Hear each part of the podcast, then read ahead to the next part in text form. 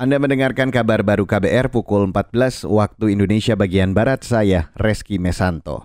Saudara Menteri Perhubungan Budi Karya Sumadi menghimbau para pemudik datang ke stasiun mendekati jadwal keberangkatan. Langkah ini dilakukan untuk mencegah terjadinya penumpukan calon penumpang di stasiun. Itu disampaikan Menhub saat meninjau kesiapan arus mudik di stasiun Pasar Senen, Jakarta.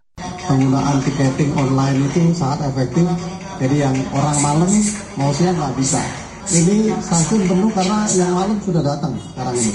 Ya, oleh karenanya para pengguna mudik kereta api lakukanlah perjalanan itu sesuai dengan waktunya supaya stasiun ini tidak ramai berlebihan. Menhu menyebut peningkatan arus mudik ter mulai terlihat di stasiun di Jakarta. Kata dia, tiket-tiket juga mulai ludes terjual. Budi Karya meminta agar pengamanan di stasiun diperketat. Sementara itu, Saudara Jasa Marga kembali membuka akses masuk jalan tol layang Mohammed bin Zayed dari arah Jakarta menuju Cikampek. Dikutip dari Antara, tol layang dibuka sekitar pukul 10 tadi atas arahan kepolisian. Manajer operasi dan pemeliharaan di Jasa Marga, Nur Safitri mengatakan, tol layang dibuka setelah lalu lintas di tol Jakarta Cikampek mulai lancar. Jasa Marga kata dia akan melakukan buka tutup lajur di ruas jalan tol layang Mohammed bin Zayed. Itu dilakukan untuk mengantisipasi kepadatan lalu lintas mudik lebaran. Saudara, pengadilan di Myanmar yang dikuasai militer menjatuhkan hukuman 5 tahun penjara kepada Aung San Suu Kyi dalam sidang hari ini. Dikutip dari Reuters, bekas pemimpin Myanmar itu difonis bersalah dalam satu dari 11 kasus dakwaan korupsi.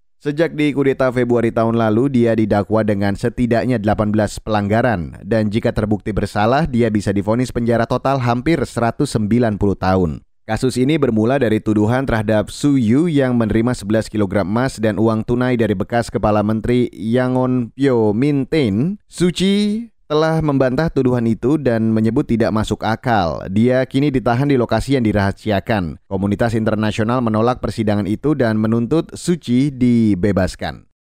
Dan saudara, demikian kabar baru saya Reski Mesanto.